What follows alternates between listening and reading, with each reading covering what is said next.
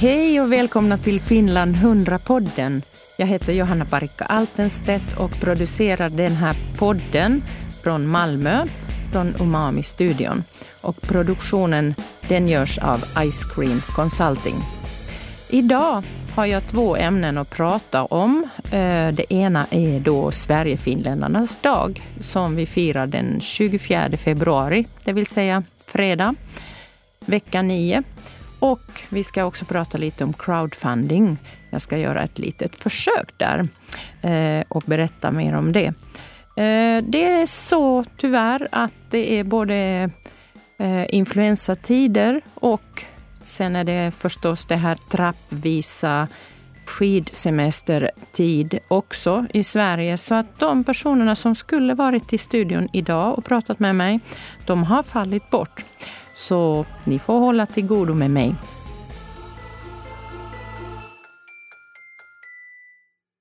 Sverigefinländarnas dag. Sverigefinnarnas dag, vad är det för någonting då? Kan man undra.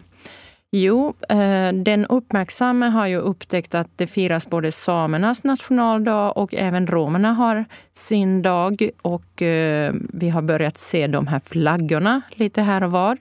I början var man eh, aningen undrande när man såg dessa flaggor. Alla visste inte vad det var. Idag börjar de flesta känna igen dem.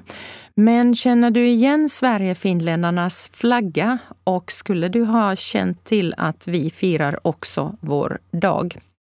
Den här dagen den instiftades 2011 officiellt och den finns i alla officiella almanackor idag. Och eh, då firar man egentligen folklivsforskare Karl Axel Gottlunds födelsedag. Gottlund var ju en eh, typ Runeberg, fast lite mindre känd. Och han vandrade runt i Värmlandsskogarna och i Dalarna och i de delarna av Sverige och samlade in berättelser om då bland annat Värmlands finnar. Den kanske mest kända Värmlandsfinländaren eller ättlingen är ju förre premiärministern Erlander Eh, deras familjenamn var ju Suhonen innan de bytte namn. Så att vi finnar, vi finns lite här och var och vi brukar ibland skämta om att eh, tänk om alla kom ut från garderoben eller bastukammaren samtidigt och talade om att hej, jag har också finskt påbrå. Eller ännu vanligare, jag har också en finsk mamma, som man brukar få höra ofta. Eh, då hade nog majoritetsbefolkningen blivit aningen undrande. Så många är vi. Det är så att eh, enligt eh, historieprofessor Dick Harrison så är vi ungefär 250 000 eh, som har då invandrat under den senaste industriella tiden från Finland till Sverige. Och historieprofessor Henrik Meinander har räknat oss upp till 700 000 om man då räknar folk som har kommit till Sverige, varit här och sen flyttat tillbaks på ett eller annat sätt. Man kan gott säga att det är en himla trafik över eh, havet mellan Finland och Sverige. Hur som helst, vad är då Sverigefinnar? Jo, men det kan man ju fundera kring lite grann. Eh, rent formellt så är vi Sverigefinländare en av de officiella nationella minoriteterna som Sverige har. Och här ska jag nu liksom säga stopp och belägg, stanna upp lite. Eh, ja, vi vet att det finns massor av olika typer av minoriteter. Det är inte det det handlar om. Men vad det handlar om eh, det är så här att Europeiska rådet har en konvention för mänskliga rättigheter. Den konventionen är också bindande lag i Sverige och i alla Europeiska rådets medlemsländer. Vi är väl 39-40 stycken just nu. Eh, alltså betydligt fler än EU-länder i Europa. Och eh, alla länder har då fått så att säga registrera sina nationella minoriteter eh, och garantera att man skyddar deras kultur och språk och också stöttar utvecklingen av kulturen och språket. Så det är inte bara att bevara det gamla, det finns också en dimension mot framtiden.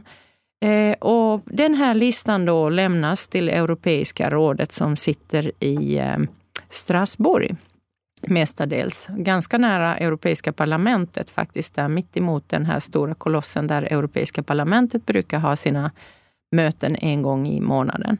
Men de ska inte blandas ihop. Det är helt olika organisationer, även om de låter väldigt likadant. Eh, och eh, i den här Europeiska rådets konvention, där har vi en lista av alla rättigheter som man ska skydda i ett land. Eh, de mänskliga rättigheterna, de är ju personliga rättigheter. Det är individens rättigheter. Det är aldrig en, en, en grupps rättigheter.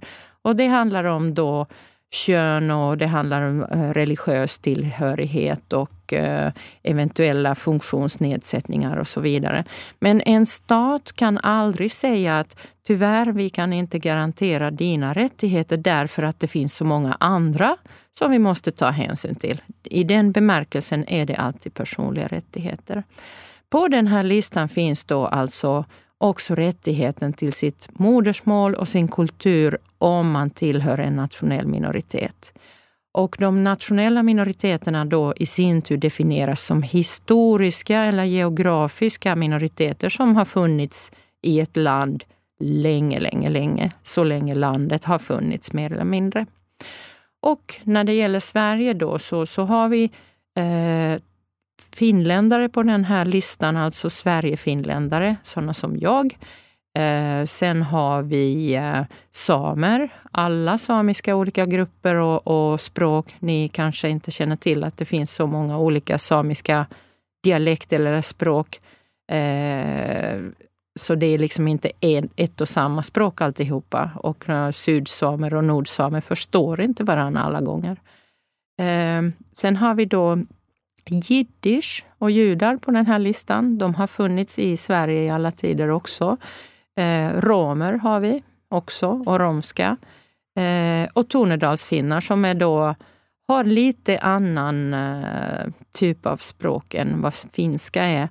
Nu är det så här att på den finska sidan i Finland så anser man att tornedalsfinska är en finsk dialekt. Men i Sverige har man registrerat det som ett eget språk.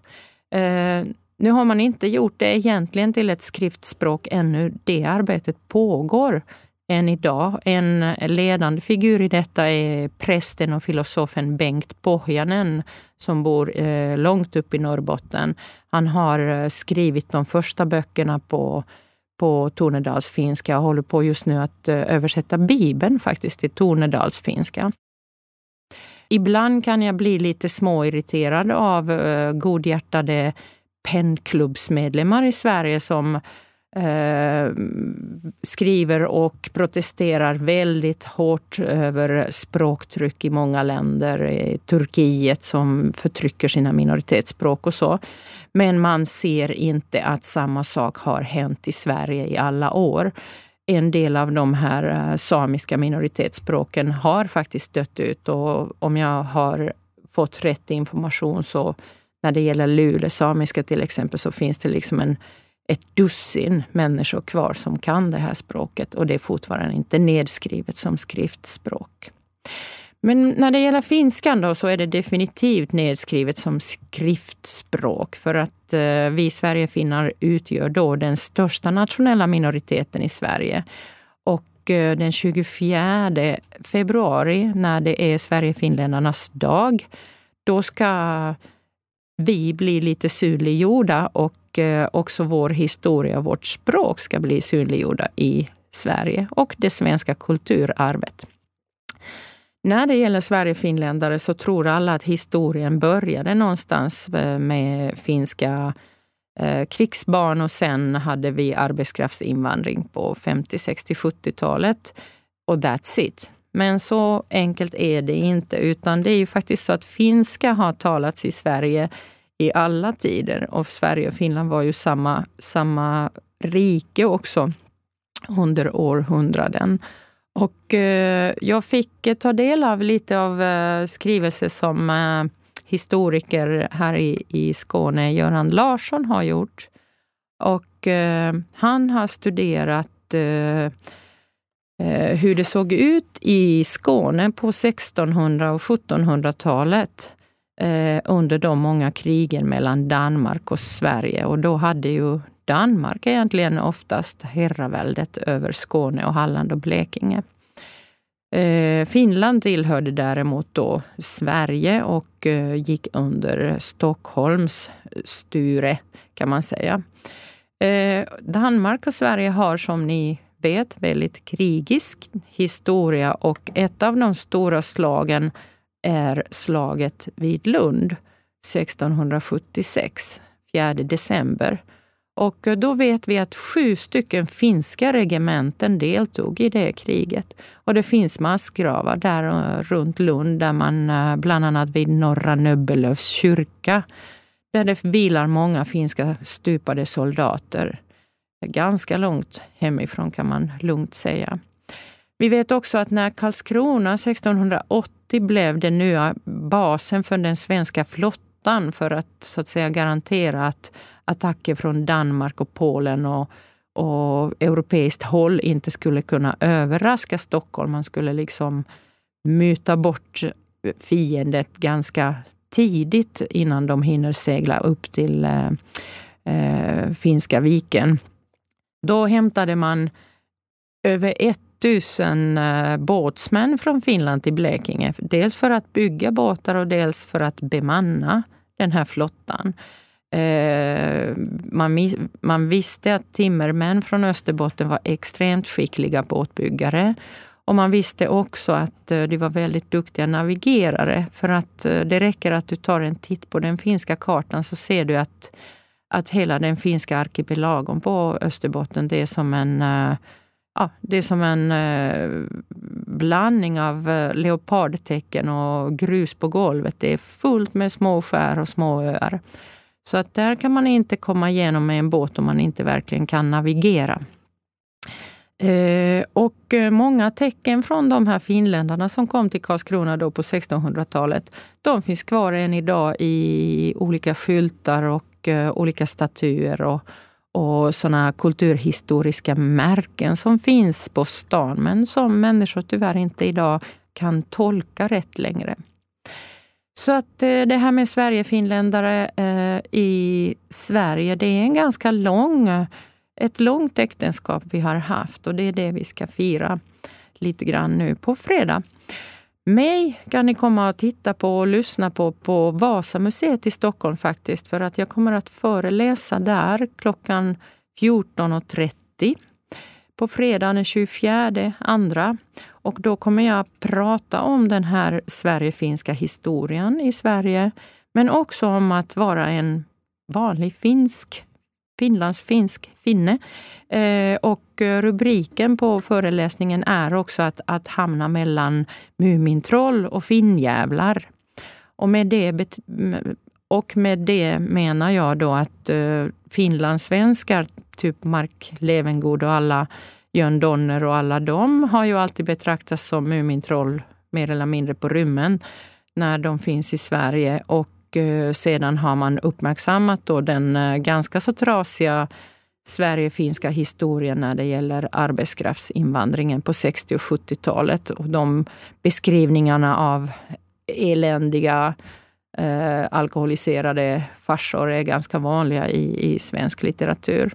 Men där någonstans mittemellan finns vi helt vanliga finnar som man kan säga att vi är hyfsat integrerade för att vi syns eller hörs inte särskilt mycket men vi gör en hel del i det här landet och har gjort det också. Och det är den eh, känslan och upplevelsen som jag kommer att prata mer om.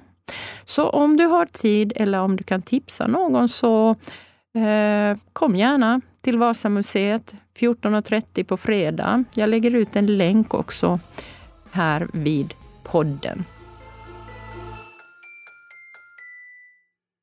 Vet du vad delningsekonomi eller crowdfunding är?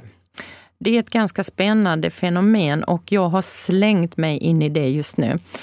Jag har ju som bekant skrivit en del böcker, historieböcker på finska och svenska som baserar sig på verkliga människor och deras upplevelser från eh, 40-talet och framåt. Och eh, det visade sig att jag har en ganska så stor eh, läsekrets och intressekrets också utanför Norden och får jätteofta höra kan inte du översätta dina böcker?